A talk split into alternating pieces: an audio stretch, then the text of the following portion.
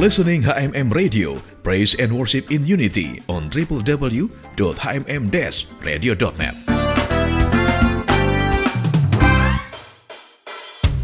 Sobat HMM, maraknya penyalahgunaan narkoba terutama oleh generasi muda saat ini sangat membahayakan keberlangsungan hidup bangsa ini di kemudian hari. HMM Radio sesaat lagi akan menghadirkan Bincang GMDM, sebuah program hasil kerjasama Radio HMM dengan Bakornas GMDM, Badan Koordinasi Nasional Gerakan Mencegah Daripada Mengobati. Selamat mengikuti.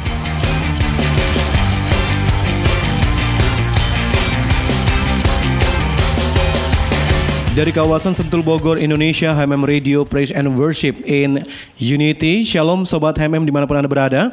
Senang sekali Obed boleh hadir kembali untuk memandu Anda dalam talk show dengan GMDM Garda Mencegah dan Mengobati. Dan topik kita hari ini, pemakai adalah korban. Untuk semua teman-teman yang saat ini sedang berjuang agar total lepas dari keterikatan penyalahgunaan obat-obat terlarang, tetap semangat ya, terus berjuang. Sekeras dan sebesar apa pun perjuanganmu, maka sebesar itu pula lah hasilnya.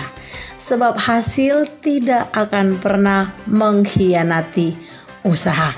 Dan ingatlah, bahwa hidup kita hanya satu kali. Hidup kita ini singkat. Karena itu, bangkitlah, terus berjuang memperbaiki hidupmu. Terus berjuang untuk hidup semakin berkenan di hadapan Bapa, sebab kamu sangat berharga di matanya.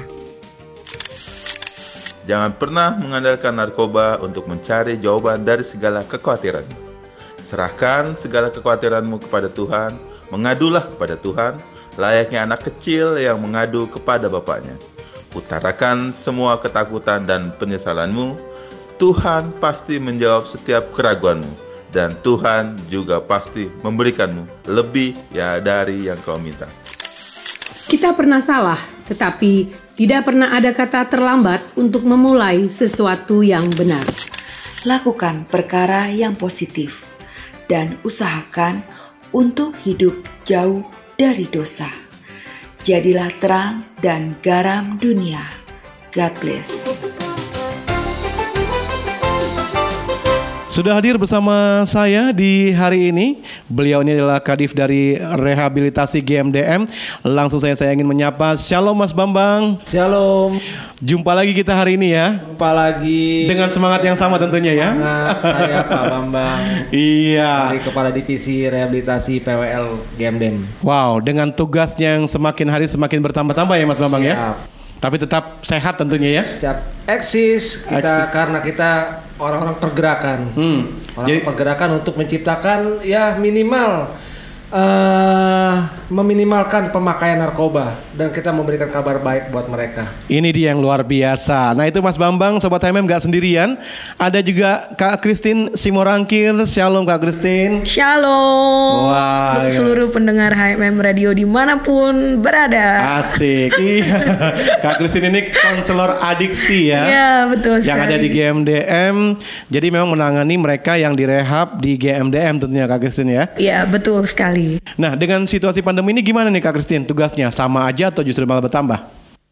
eh sama aja, cuma memang cenderung meningkat juga sih gara-gara pandemi karena eh, tidak eh, tidak tidak jadi ini lagi ya rahasia kalau ternyata di pandemi ini pecandu narkoba justru semakin meningkat gitu. Iya, dan itu berdampak juga di rehabilitasi IPWL GMDM. Apa mungkin karena di rumah kelamaan mungkin ya? iya, bosan, jenuh. Akhirnya ya itu, jadinya banyak yang akhirnya menggunakan narkoba. Ini mereka pemain baru atau udah lama jatuh kembali atau relap gitu? Relap. Beberapa memang ada relapse, tapi ada yang pemakai baru juga. Nah, itu dia sobat HMM. Eh, sapaan saya nih untuk narasumber kita di hari ini Mas Bambang Kepala Divisi dari Rehabilitasi GMDM juga Kak Christine di bagian konselor adiksi. Nah Mas Bambang dan juga Kak Christine ini kan hari ini topiknya mengenai pemakai adalah korban. Iya. Nah ini sebenarnya pasti pendengar juga saat ini bertanya, loh kok bisa pemakai adalah korban? Saya aja sering bertanya juga, kok kenapa bisa dibilang ini pemakai itu adalah korban? Padahal kan mereka justru membuat orang lain jadi korban loh. Bener nggak ya? Iya. Gimana nih Mas Bambang nih? Coba Mas Bambang jelaskan sedikit. Kalau menurut analisa saya, prediksi saya itu ya semuanya berawal manusia pada dasarnya baik. Karena keadaan, karena situasi, kondisi yang tidak memungkinkan di sekelilingnya dia cenderung tidak ada benteng yang dan tiang yang kuat bagi dia. Ya, di situ ketemu teman-teman yang memang eh, di suasana yang yang eh, suasana pemakai gitu. Jadi ya karena sifat rasa manusia itu manusiawi loh, sa- rasa sifat ingin tahu. Dia dicoba, ditawarkan, itulah modus operandi para pengguna agar bisa menularkan virusnya ke mana-mana. Memberi secara cuma-cuma. Ini pengedar ini ya? Mm-mm, pengedar, penyalahguna atau teman, kerabat dan ini cenderung di suasana itu dia memberikan pelayanan yang terbaik. Dia lebih care, dia lebih sayang, dia lebih setia kawan. Akibatnya dia memberikan mengeluarkan barang tersebut ya itu dia timbul rasa, timbul rasa sifat ingin tahu akibatnya nggak bisa menolak Si pemakai ini. si, pe- si pemakai baru ini yang akan mau coba-coba timbul akan timbul coba-coba. Dari coba-coba itu dia merasakan efek biusnya dari zat tersebut. Dari efek biusnya itu nah timbullah pemakaian yang berikutnya. Dia sudah merasa nyaman merasa oke merasa dia dirinya dia udah lebih strong lebih lebih eh, bergaya lebih lebih eh, ini lebih apa lebih oke lah gitulah. Nah dia tapi dia nggak sadari bahwa lambat laun zat itu akan ada dan akan menurun akan habis pada waktunya. Hmm.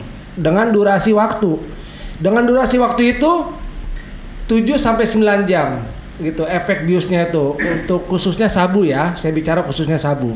Nah dari khusus apa satu eh, 7 sampai 9 jam itu dia timbullah gejala-gejala putus zatnya. Gejala putus zatnya akan ya itu dia akan berubah seseorang perilaku seketika. Temperamennya cenderung berubah dengan seketika temperamennya jadi nggak stabil. Iya. Nah, jadi dari uh, pembahasan Mas Bambang ini kan tadi dikatakan bahwa uh, pemakai ini karena dia bertemu dengan seseorang pengedar mungkin ya atau pergaulan yang akhirnya menawarkan barang itu. Dan akhirnya kan dia dikatakan sebagai korban, tadi. Mungkin kalau saya bisa garis bawahi dia adalah korban dari si pengedar kan? Siap. Begitu. Nah, tapi kalau misalnya warga, masyarakat atau pendengar nih saat ini yang mendengarkan, kok bisa gitu loh?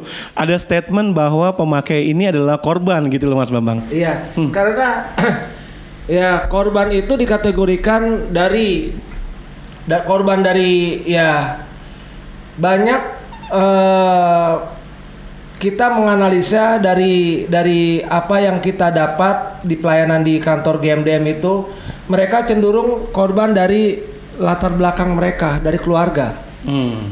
Dari keluarga yang yang mengintervensi dia. Terus dan dari lingkup dari sosial. Dari contohnya sosialisasi itu contohnya dari dia mata kuliah. Mata kuliah dia dia banyak tekanan banyak banyak pelajaran banyak urusan banyak apa jadi ya itu dia jadi tegang. Hmm, dia tegang dan ya di situ ada temennya yang menawarkan dia dia coba akhirnya dia baik enak ya itu dia dia berlanjut Hmm, jadi situ kan dia dikatakan korban itu tadi ya. itulah dijadikan korban dan tanpa disadari ya zat itu menggerogoti otaknya dia Dan akhirnya dia ketagihan. dan akhirnya dia ketergantungan dia tidak bisa melawan uh, pemikirannya dia yang ditimbulkan dari zat itu adalah sugesti Sugesti ya. Dan Nah, jadi- saya coba sekarang Mas Bambang ke Kak Kristin nih. Kak Kristin, ini kan disebutkan Iya. tadi bahwa pemakai adalah dikatakan sebagai korban. Nah, itu Iya. kalau Kak Kristin sendiri pandangannya gimana? Iya, makanya dalam dunia narkoba kan ada yang disebut dengan pengedar, kurir, dan pemakai. Nah, kenapa akhirnya eh, pemakai atau pecandu narkoba disebut korban? Prosesnya sebenarnya panjang, ya kan? Sampai akhirnya BNN dan Kemenkumham, Kemensos, Kemenkes TNI Polri akhirnya sepakat nih. Akhirnya menyatakan bahwa pemakai atau pecandu narkoba adalah korban. Karena apa? Karena ternyata ketika pemakai atau pecandu narkoba diselesaikan di, atau dibereskan kasusnya hanya dengan hukum, ternyata tidak menyelesaikan masalah nih. Gitu. Nah, di penjara juga juga bahkan lebih parah keadaannya. Dari pemakai jadi Dari pengedar. iya, bahkan Mafia-mafia di sana baru. juga pabrik ternyata. Nah, dari dari hal ini akhirnya ada kesepakatan bersama, makanya muncul beberapa undang-undang yang baru kan SEMA, ada PRBR juga. Akhirnya kesepakatan nih, wah kalau begini ternyata tidak menyelesaikan masalah nih. Akhirnya eh, diketahui bahwa ternyata pecandu narkoba itu kan sebenarnya penyakit adiksi. Penya adiksi itu adalah penyakit otak kronis.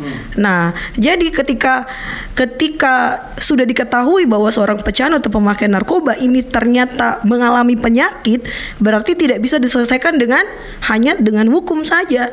Begitu. Nah, akhirnya pemakai atau pecandu narkoba dikatakan sebagai korban pun tidak lantas begitu saja. Makanya melibatkan banyak pihak. Makanya kalau biasanya nih Pak Bambang menangani ikut nih di, di pengadilan gitu menjadi saksi ahli, kan ada asesmen juga. Jadi dinyatakan menjadi uh, korban dilihat dari memang psikisnya uh, ke- kejiwaannya, kesehatannya juga di situ. Jadi memang mereka ini dikatakan korban karena mereka butuh bukan hanya sekadar penjara untuk solusinya gitu. Dibutuhkanlah rehabilitasi. Nah, di rehabilitasi mereka menjadi korban, menj- menjadi menjadi residen, menjadi klien yang harus dipulihkan gitu. Hmm, intinya jadi mereka korban dan harus dipulihkan. Iya. Mereka butuh dirawat. Makanya di Dirawat. Ada rawat jalan, Rawat inap, ya? begitu. Oh. Nah ini jadi paling tidak dengan proses yang panjang akhirnya menentukan bahwa mereka ini korban gitu ya. Korban Christine? dan ada kesepakatan bersama ternyata jadi saat ini pecandu narkoba atau pemakai narkoba memang disarankan untuk rehabilitasi. Karena mereka penyakit mengalami penyakit nih mereka mereka ini gitu. Jadi diselesaikannya tidak dengan kasus hukum. Kalau dengan pidana wah ternyata tidak menyelesaikan masalah. Yang bisa dipidana ya kurir atau bandar. Karena memang mereka ini ya dalangnya dari semua peredaran itu peredaran narkoba. Jadi tidak ada diskriminatif di sana. Makanya akhirnya perlu sosialisasi ke masyarakat untuk sepaham nih dengan BNN sepaham dengan Kemenkes Kemensos, masyarakat juga memandang pecandu atau pemakai narkoba ini sebagai korban, korban. Jadi tidak ada yang eh, stigma di sana, tidak ada yang memang di, di- disampaikan sampah masyarakat, bahkan disebut kriminalitas gitu, nggak ada yang begitu lagi.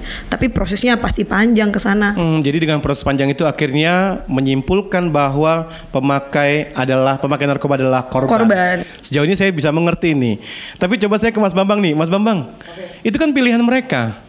Gimana nih? Mereka milih loh ke situ gitu. Ya, memakai dia. gitu. Du- dunianya mereka kan itu dunia mereka beda ya udah masanya mereka sudah eranya mereka jadi ya itulah mereka harus harus harus menjala harus, uh, mencicipi harus menggunakan. Ya itu memang udah udah kategori memang sudah pergaulan mereka gitu. Dan pergaulan narkoba itu memang tidak serta merta terbuka memang terselubung dari tangan ke tangan. Nggak ada yang bicara bu saya habis pakai narkoba bu. Nggak ada yang ngaku-ngaku begitu. Pasti terselubung.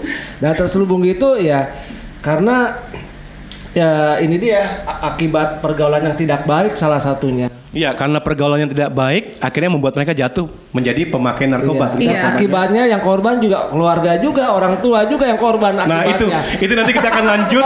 Kita akan bahas ini Mas Bambang Kak Christine ya. Ini Iya. menarik sekali. Tapi kita izinkan dulu yang mau lewat berikut ini Menurut saya, yang pertama adalah kita harus menerima mereka seperti Tuhan Yesus menerima kita apa adanya. Karena penerimaan itulah yang membuat dia mer- merasa bahwa dirinya itu berharga. Dan yang kedua, setelah kita menerima dia, kita harus bergaul. Kalau bisa kita mementoring, kita jadikan mereka murid supaya mereka tidak terhilang dari eh, penjangkauan kita untuk membawa mereka kembali kepada Tuhan. Dan yang paling terakhir adalah jangan pernah menghakimi mereka, tapi terus arahkan mereka. Kalau bisa eh, kita mendorong mereka untuk mengembangkan potensi mereka yang mereka miliki. Yang harus dilakukan untuk menyelamatkan generasi adalah mulai dari lingkungan keluarga, peran orang tua, didikan, arahan, serta nilai-nilai yang harus ditanamkan sejak kecil itu harus benar-benar menjadi hal yang penting untuk menyelamatkan generasi berikutnya.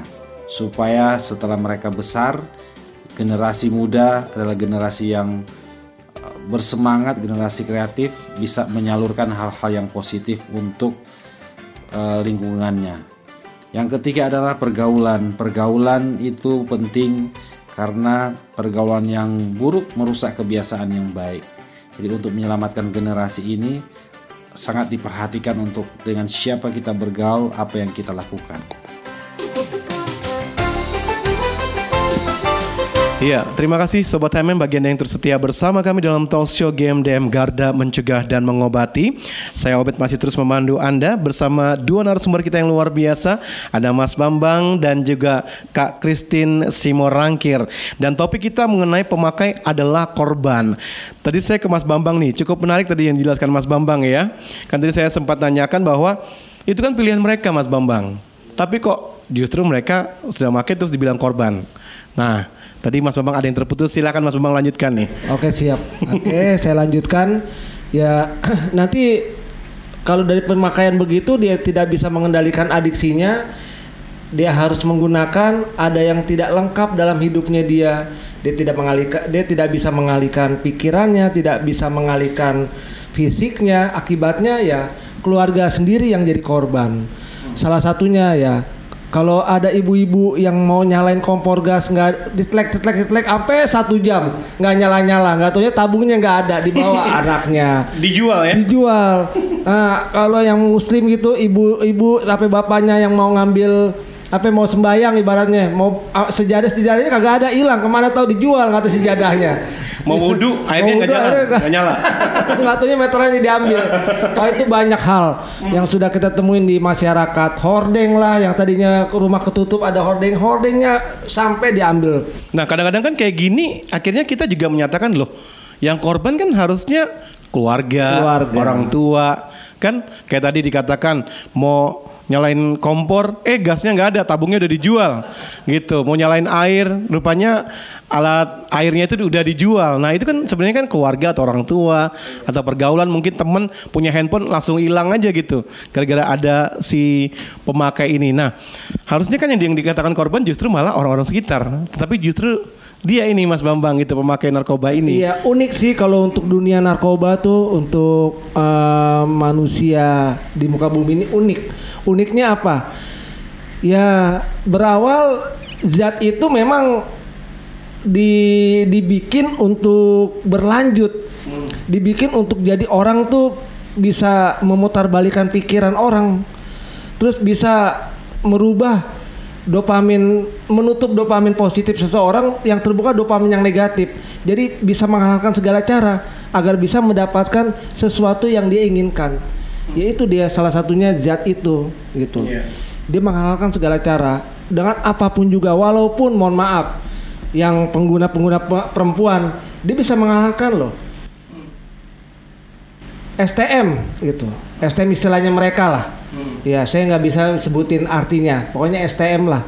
Yang penting dia bisa memenuhi hasratnya dia. Gitu. Walaupun dengan cara apa pun juga dia dia Menghalalkan. menghalalkan segala. bahkan dirinya pun dia korbankan Nah, seperti itu. mungkin gitu bahasa Itu bahasanya. rapinya ya halusnya Iya, karena ya itu dia dia nggak bisa mengalahkan adiksinya dia itu ada di di rehabilitasi ada di 12 langkah. 12 step. ada di Iya, dua langkah ada itu di ya 12 langkah itu. Nah, saya coba ke Kak Kristin nih. Kak Kristin, ini tadi kan cukup panjang lebar juga kan dijelaskan oleh Mas Bambang. Iya. Nah, sekarang saya masuknya begini. Eh, pemakai tadi kan di- dikatakan korban. Misalnya pemakai ini juga dia akhirnya mengedarkan. Apakah dia tetap dikatakan korban atau bagaimana ini? Nah, itu dia. Tadi Pak Bambang udah jelaskan bahwa walaupun ini memang dimulai dari karena pilihan seseorang untuk akhirnya menjadi pemakai atau pecandu, tapi kita akhirnya menyadari bahwa dampaknya ini menjadi adiksi. Nah, ketika seseorang menjadi adiksi dalam hal ini narkoba, makanya tadi Pak Bambang sudah bilang di 12 langkah narkotik itu bahwa kenapa jadi korban karena sebenarnya mereka tidak berdaya terhadap adiksi mereka. Jadi mereka sendiri tidak bisa keluar dengan diri mereka sendiri. Jadi makanya mereka disebut korban. Nah, ketika mereka tidak bisa keluar uh, untuk keluar atau lepas dari jerat narkoba, akhirnya dibutuhkanlah pihak lain dalam hal ini rehabilitasi yang membantu mereka untuk pulih dari narkoba begitu. Nah, berkaitan dengan pertanyaan ya, dari Bapak tadi itu memang dalam proses hukumnya narkoba ini gak segampang itu sebenarnya. Nah, seseorang di dikatakan pemakai atau pecandu itu dengan proses yang panjang gitu kan. Ada asesmen. Asesmen sendiri itu melibatkan banyak pihak, mulai dari psikolog, dokter, ya kan, konselor itu akhirnya men menuangkan secara tertulis memutuskan dari hasil asesmen itu dikatakan bahwa oh dia pecandu nih. Nah, begitu. Nah, akhirnya apabila ternyata uh, kasus kasus hukumnya lebih kuat di dia pengedar sekaligus pemakai, ternyata sekarang pemerintah juga punya solusi. Memang tindakan hukumnya tetap berlangsung, rehabilitasinya juga bisa tetap berlangsung. Pemulihannya, apakah nanti proses rehabilitasinya juga menjadi di lapas narkotik juga kan ada mengadakan rehabilitasi di dalam penjara sebenarnya begitu. Ataupun nanti ya rehabilitasinya melibatkan misalnya IPWL ke Mensos tapi tetap berjalan kasus hukumnya juga ada yang seperti itu. Nah Nah proses ini kan panjang gitu kan, nggak nggak bisa langsung begitu. Ada asesmen, ada banyak penyidikan penyidikan mungkin yang akan dilakukan akhirnya. Bisa bersama-sama keduanya berjalan atau yang memang murni dia cuma pecandu atau pemakai tanpa ada kasus hukum yang misalnya kurir atau bandar, begitu dia bisa didampingi untuk dapat uh, rehabilitasi sebenarnya. Hmm, walaupun dengan proses yang panjang ya, itu ya. proses yang panjang itu. Hmm, jadi memang melibatkan banyak orang ya. Banyak orang dari yang dilibatkan. dari kedokteran juga ya, ada. Iya, untuk hmm. menyatakan mengeluarkan surat resmi kalau memang dia merupakan pengguna. pecandu atau pengguna begitu. Hmm, jadi memang uh, hal ini memang penuh dengan proses yang tidak mudah ya. Iya. kelihatannya Betul. mudah kelihatannya. Hmm. Kelihatannya. Tapi mereka ini tidak bisa disembuhkan tapi bisa dipulihkan. Iya. Dipulihkan saja ya, begitu Mas Seseorang kelihatannya mudah, kelihatannya sepele. Makanya banyak orang tua tuh yang menyepelekan. Kalau uh, uh, udah tahu anaknya tuh pengguna gitu. Dari sepelekan itu nanti lama-lama anak itu jadi adiksi lama-lama ya keluarga sendiri yang menjadi korban. Iya. Jadi pemakai ini memang membutuhkan orang lain iya. untuk memulihkan dirinya. Betul. Ya kan? Dia jadi korban karena adanya pengedar tadi iya. dia jadi korban karena dia tidak bisa menguasai iya karena adiksi dia, tadi adiksinya iya, iya betul rasa inginnya hmm. iya itulah makanya mereka dibilang korban iya karena betul. mereka butuh orang lain juga untuk, untuk memulihkan, memulihkan ya untuk itu adanya rekan-rekan di GMD HMM ya. Betul. Ada Mas Bambang, iya. Kak Kristin di hadapan saya hari ini Sobat HMM. Iya, betul. Dan ini memang uh, sangat menarik dan menjadi uh, ibaratnya memang bangsa kita Indonesia juga katakan bahwa ini adalah perang kita perang terhadap perang. narkoba iya, ya. betul. Jadi memang satu hal yang serius. Nah, sekarang saya ingin uh, bertanya begini nih, saya ke Mas Bambang ya. Cara tim GMDM nih untuk meyakinkan orang lain ya kan? Tadi kan kita sudah karena ada uh, dialog kita hari ini sempat dijelaskan. Nah, kalau misalnya ketemu dengan orang di luar sana, entah keluarga, entah pergaulannya si pemakai ini sendiri, bagaimana meyakinkan bahwa eh temanmu itu sebenarnya korban loh, yeah. atau enggak orang tua anak bapak sama ibu itu harusnya jangan dikasari dia itu korban. Nah itu gimana Mas Bambang caranya itu? Saya sering kali bertemu dengan keluarga-keluarga karena kita reguler, karena saya juga di bidangnya untuk uh, bermediasi dengan mereka. Karena sesungguhnya kita di sini orang ketiga gitu. Memang kita tidak hadapkan mereka secara langsung sama si pengguna. Ya apa uh, keluarganya mereka tuh apakah itu anak atau apa, apakah itu suami atau apa itu istrinya. Gitu. Jadi cenderung saya uh, bermediasi kepada keluarganya dulu. Gitu. Intervensi untuk pembukaan untuk pemulihan mereka. Ya saya bermediasi karena ya kenapa sih kok anak ibu atau anak bapak sampai seperti ini? Apakah di rumahnya dia merasa banyak tekanan atau bagaimana? rata-rata memang ya kita sudah kasih tahu mereka ya kita terbuka aja ibu bapak. Jadi kita di sini keterbukaan awal dari pemulihan. Nah di situ mereka mulai mengeluarkan unek-uneknya. Begini Pak, saya nih sebetulnya memang anak saya nih banyak saya banyak tekanan, banyak saya suka marah-marahnya itulah ya ke depannya supaya kita butuh peran serta kerjasama keluarga untuk mensupport. Biasanya itu langsung mereka nerima nggak Mas Bambang pas di seperti itu dikasih Ya, taunya? menerima karena ya kita cara menyampaikan saya juga kadang juga ada keluarga bapak ibunya sampai nangis gitu di depan saya karena menyesali gitu. Karena ya tanpa mereka sadari sebabnya dari mereka juga gitu sebabnya sebab akibat. Dan segala sesuatu kejadian kan pasti ada hikmahnya. Iya. gitu makanya kita penguatan ke keluarga pemirsa yang mendengar jadi kita bisa eh, sama-sama membangun atau sama-sama ya eh, menjadi role model lah di rumah tangga Iya, kita Jadi memang Banyak keluarga cerita. langsung diedukasi Iya, gitu ya karena ya, ya. keluarga adalah benteng kalau nggak ada bentengnya ya dia rapuh dia mau ke mana akibatnya dia ke mana-mana Hmm. Iya. dan terjadilah pengguna gitu Jadi justru diselidiki dulu ya. Iya. Di dalam keluarga ini kenapa sampai anaknya Bahkan begini? kalau ada suami istri juga demikian juga suaminya temperamennya gak stabil. Suami saya peminum pak, saya suka KDRT pak. Akhirnya udahlah saya mendingan pergi aja ke tempat yang lain yang lebih enak pak. Eh ternyata ketemu, ya dia ternyata menawarkan saya dan saya kamu tahu itu apa ya? Saya tahu itu apa pak. Ya, saya menggunakan. Akhirnya saya jadi ketagihan deh pak. Iya. Jadi saya itulah pacar saya, suami saya udah saya ceraiin pak. Iya. Ada juga seperti Ada kayak itu. gitu ya, kasus Iya, gitu ya. Jadi ya semuanya ya kehidupan di di di sosial eh, mempengaruhi gitu loh. Dia tuh menggunakan itu. Jadi memang tekanan itulah yang membuat seseorang kalau dia larinya salah ya jat- jatuh-jatuhnya Iya. jadi pemakai gitu ya Mas Iya, Bambang ya. Karena ya memang dalam hal ya di dunia dunia fana ini memang kalau nggak ada kekuatan di religi atau di rohani memang ya itu dia celah iblis untuk mencuri, membunuh dan, Dan membinasakan. Mas Bambang langsung ngutip nih. Luar biasa. Ini kayaknya Iya, dikit lagi ya. udah berubah nih profesinya jadi pendeta nih Bentar kayaknya. lagi di jadwal ini kayaknya. Jadwal khotbah nih. nah kalau Kak sendiri, ini kan eh, kita suka melihat juga, padahal kan di rehab ini sudah dibina sedemikian rupa, Iya. ya kan? Mereka ini sudah berubah, tapi kenapa sih kalau pemakai ini akhirnya jatuh kembali atau relapse gitu? Itu kenapa tuh penyebabnya? Iya banyak faktor sebenarnya. Jadi memang eh, ada yang kita tangani bahkan sampai empat kali rehab keluar masuk begitu ya kan. Karena memang banyak faktor. Tapi faktor terbesar memang betul yang disampaikan oleh Pak Bambang. Pen- ternyata keluarga belum siap menerima. Sementara dia sedang berjuang untuk mempercayai pemulihan yang sudah ada dalam dirinya. Si pecandu sudah sudah dia percaya nih dengan dia sudah pulih.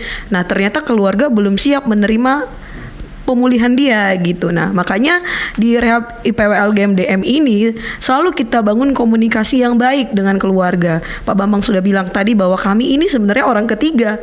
Nah, antara pecandu dan keluarganya sebenarnya yang bermasalah nih kan. Nah, kita media mediator lah. Kita kita lembaga yang eh, membantu untuk proses pemulihan. Sering kita bilang banyak yang misalnya keluarga-keluarga atau orang tua yang akhirnya takut untuk mengantarkan anaknya ke rehab gitu kan. Karena ya sudah sudah ada stigma di masyarakat bahwa memang pemakai atau pecandu narkoba itu adalah sampah gitu kan, adalah eh, orang seorang kriminal. Jadi memang sangat susah untuk kita meyakinkan sebenarnya. Makanya selalu kita bilang it's okay to ask for help karena memang kalian nggak bisa sendiri gitu lah. Orang tua nggak bisa sendiri memang, ya kan. Bahkan pecandu tidak bisa sendiri menghadapi atau keluar untuk menjadi orang yang sudah dipulihkan gitu sih. Jadi memang melibatkan keluarga atau orang-orang terdekat itu adalah bagian terpenting dalam proses rehabilitasi. Jadi bukan kami 100%. Ya kami ini mendampingi, kami memang eh, berpartisipasi sangat besar, tapi peran keluarga juga sangat besar terhadap suksesnya sebuah proses pemulihan dari pecandu dari klien begitu. Jadi jangan hanya melihat bahwa oh anak saya sudah pulih di Iya. rehab, keluar tapi justru stigma masih ada justru Iya, akan membuat mereka betul. Nah itu sia-sia proses pemulihan. Iya. Kalau dia kuat, memang sudah kita memang betul perlengkapi di dalam rehab akan ada kemungkinan-kemungkinan seperti ini di keluarga, kemungkinan seperti ini di masyarakat, di komunitas. Tapi bagaimana kamu bisa menghadapinya? Tapi kan nggak semua dengan kesiapan Hmm. seperti itu.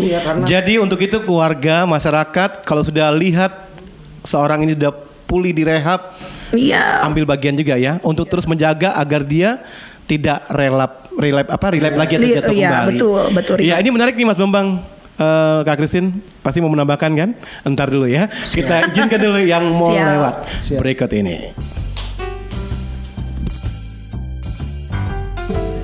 Keluarga itu buat saya adalah tempat yang paling nyaman di muka bumi ini. Tuhan berikan keluarga sebagai tempat menaruh segala perasaan, baik itu senang ataupun sedih. Keluarga adalah lembaga terkecil yang Tuhan bentuk atau ciptakan. Keluarga itu bukan hanya sekedar sekumpulan orang yang memiliki ika- ikatan darah dengan kita, tetapi keluarga itu adalah rumah di mana kita bisa berpulang ketika kita lagi di low position in life. Keluarga itu bisa jadi healing pills, bisa jadi penyembuh, bisa jadi obat waktu kita lagi eh, ngehadapin semua hal-hal yang nggak baik yang terjadi di dalam hidup kita.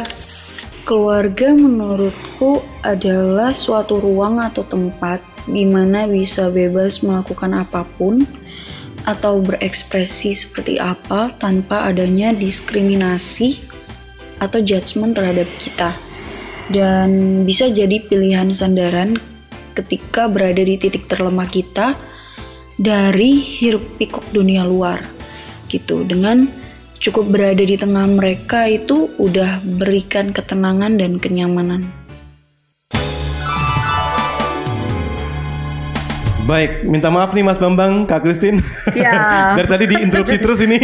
Karena memang menarik sekali nih perbincangan kita mengenai topik pemakai adalah korban. Nah, tadi kan sempat Kak Kristin menjelaskan bahwa eh, di rehabilitasi bahwa teman-teman GMDM ini adalah pihak ketiga. Iya. Dan pemakai mereka tuh memang butuh dipulihkan. Nah, mereka sudah pulih di rehab, giliran keluarga, masyarakat juga harus sama-sama Iya. menjaga supaya mereka tetap stabil. stabil Iya. gitu ya. Nah, Mas Bambang kayaknya ada yang mau ditambahkan nih tadi. Ya, Silakan Mas. Tambahkan sebagai pandangan untuk yang mendengar gitu supaya yang mendengar juga bisa menganalisa dengan ya kalau kebetulan di keluarganya ada salah satu pengguna kita kan nggak tahu juga ya namanya.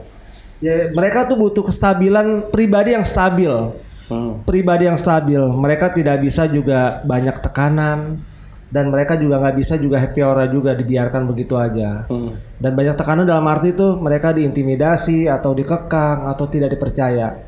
Berilah kepercayaan lagi dan lagi untuk mereka agar mereka bisa mengupgrade dirinya mereka. Buat mereka nyaman. Ber- mereka nyaman dan mereka bisa leluasa gitu. Coba mempercaya lagi. Rata-rata orang yang menggunakan lagi relief lagi itu dari peran serta dari keluarga tuh nggak ada gitu untuk mempercayai dia gitu. Kalau dia tuh kepengen pulih, kepengen seperti manusia normal gitu loh. Tapi kadang-kadang keluarga itu suka mengintervensi. Kamu mau ke mana? Kamu nanti udah sini aja. Kamu jangan ke mana-mana.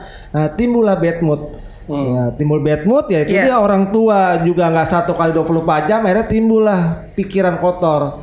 Dia gelap mata, dia pergi meninggalkan ketemulah temannya. Karena merasa tertekan tadi ya. Ya, tekanan, tidak nyaman, bad mood, intervensi, itu stigma itu yang seperti itu. Jadi mereka nih butuh pribadi yang stabil.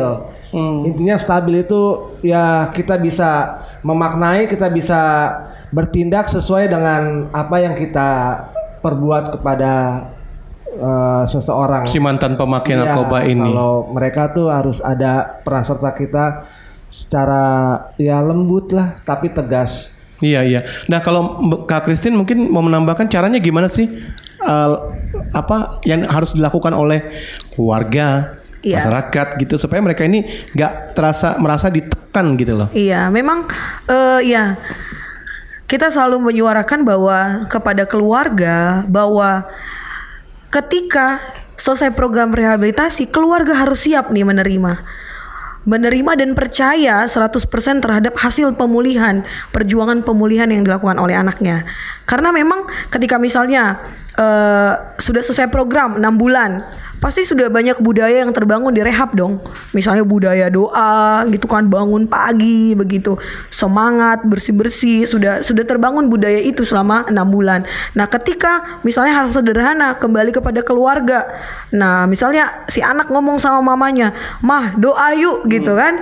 Tiba-tiba mamanya langsung bilang, "Lah yang butuh Tuhan kan lu, bukan gua." Misalnya gitu. Nah, ini dia langsung kayak dia kan lagi semangat-semangatnya nih. Tiba-tiba perlakuan keluarga Lagi on begitu. fire ya? Iya. Baru ngomong begitu udah kayak atau wah lu udah jadi pendeta lu di sana. Nah gitu banyak yang begitu juga begitu kan. Atau misalnya anaknya tiba-tiba matanya merah gitu kan. Padahal memang lagi nggak bisa tidur lah. Wah lu pakai lagi ya gitu kan. Stigma. Iya, langsung seperti ini. Nah, kita kita membawa keluarga kepada pemahaman bagaimana penerimaan mereka itu penerimaan tanpa syarat gitu kan. Kalau memang ada indikasi nanti ke sana lagi gitu kan dengan dengan kelembutan, penerimaan, semua yang sudah dilakukan oleh keluarga dengan begitu maksimal tapi ternyata jatuh lagi, ya tetap kita suarakan. Adiksi itu begitu memang nggak bisa misalkan orang make dua tahun selesai dalam tiga bulan gitu loh. Nah butuh proses untuk memulihkan seseorang dari kecanduan. Apa pun sebenarnya kecanduan itu, adiksi itu sangat susah untuk dipulihkan. Jadi memang akan ada jatuh bangun yang akan dialami oleh keluarga juga. Tapi nggak apa-apa. Kami pun akan siap, siap terus untuk mendampingi. Iya. Bisa kita intervensi juga, misalnya, wah kayaknya suami saya nih udah menunjukkan gelagat-gelagat gak bener lagi nih misalnya gitu. Kita bisa intervensi antar lagi ke rehab kita pulihkan lagi. Karena memang seperti itu gak bisa instan. Jadi pemahaman dan kesadaran ini yang kita sampaikan pada keluarga. Tetap percaya menerima tanpa syarat tapi memang akan ada resiko-resiko seperti ini di kemudian hari. Makanya ada orang keluar masuk penjara kan Hmm. jatuh bangun lagi memang akan seperti itu Iya. Jadi memang tidak real- tidak instan ya. tidak instan juga. Ada yang memang satu kali dia pulih keluar dari rehab sampai 20 tahun tidak pernah jatuh lagi. Ada yang seperti itu. Ada yang baru keluar dari rehab setelah enam bulan di rehab baru keluar dua minggu. Udah ada yang jatuh lagi gitu loh. Nah peran serta keluarga harus tetap mempercayai proses gitu. Tetap libatkan kita lagi nggak apa-apa. Gitu. Iya. Jadi memang keluarga masyarakat juga harus menjaga ya Iya. supaya jangan sampai eh, si mantan pemakai narkoba ini yang sudah di rehab dia justru relapse kembali. Iya. Nah, selain anggota keluarga, masyarakat perlu kan dirinya juga ya Mas Bambang ya? Iya. Gimana? Ya, itu eh, Tuhan menciptakan kita kan untuk free will, pilihan bebas. Hmm. Ya kalau seseorang sudah menyadari bahwa ah, apa yang dia lakukan itu salah dan dia bisa berubah dengan sendirinya itu jauh lebih berarti. Hmm. gitu daripada ya dirubah dari dari Luar apa dirinya, dari ya. saran petugas rehabilitasi atau dari nasihat dari keluarga. Gitu dan caranya kita membuka pola pikir eh, si pengguna itu ya dengan cara kita pendekatan kita juga ke keluarga juga harus bisa menerima dia dengan baik.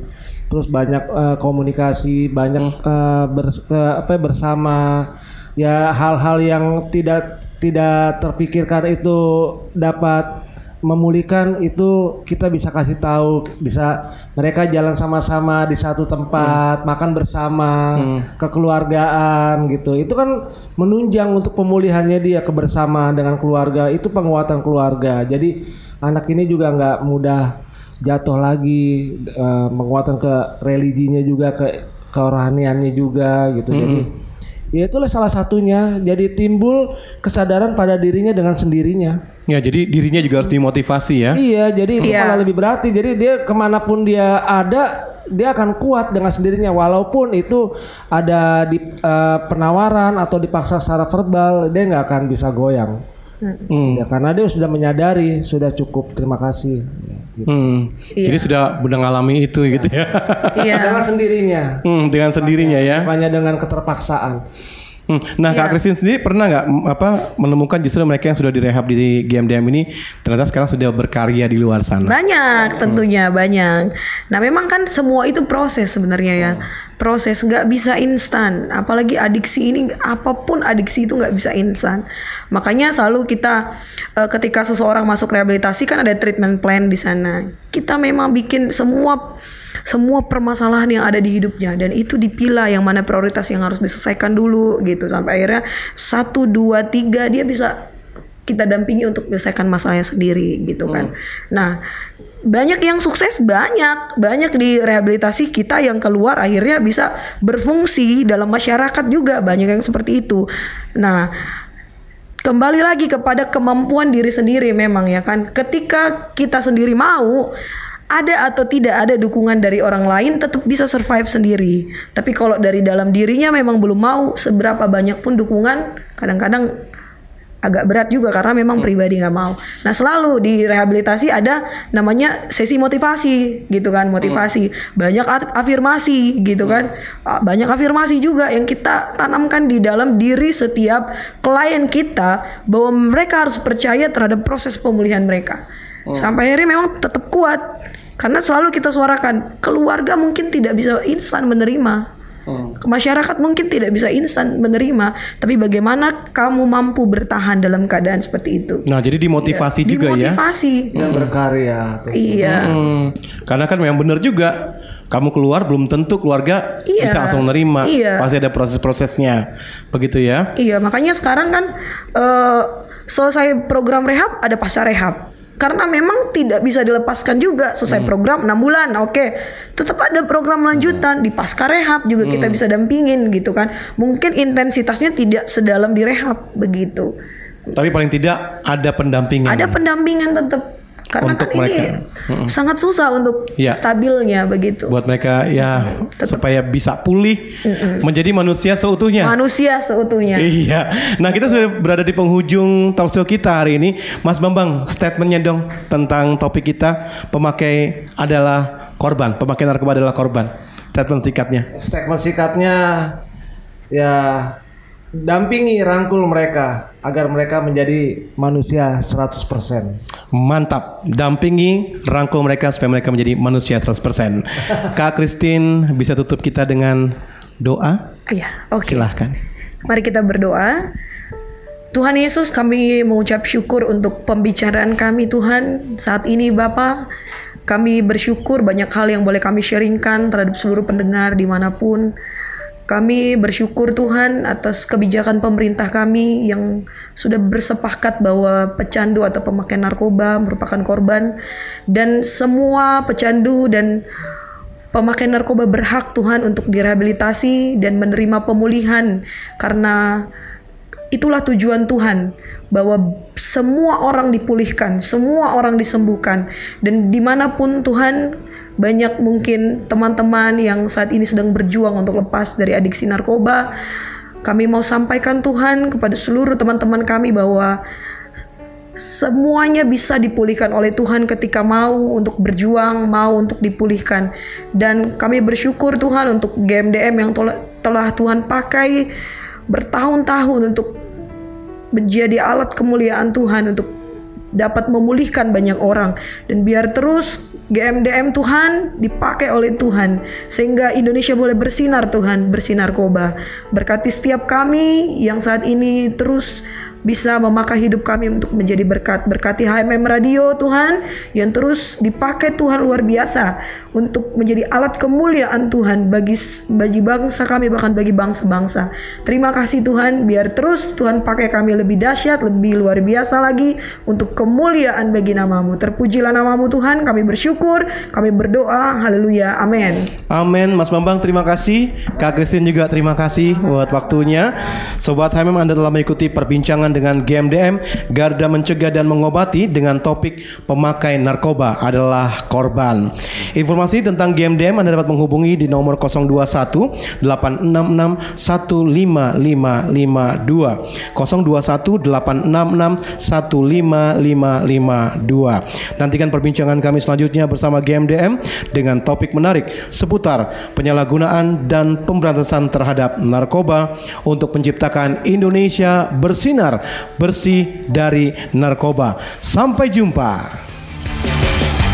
Sobat HMM, Anda baru saja mengikuti Bincang GMDM, sebuah program hasil kerjasama Radio HMM dengan Bakornas GMDM, Badan Koordinasi Nasional Gerakan Mencegah Daripada Mengobati. Terima kasih atas kebersamaan Anda. Sampai jumpa.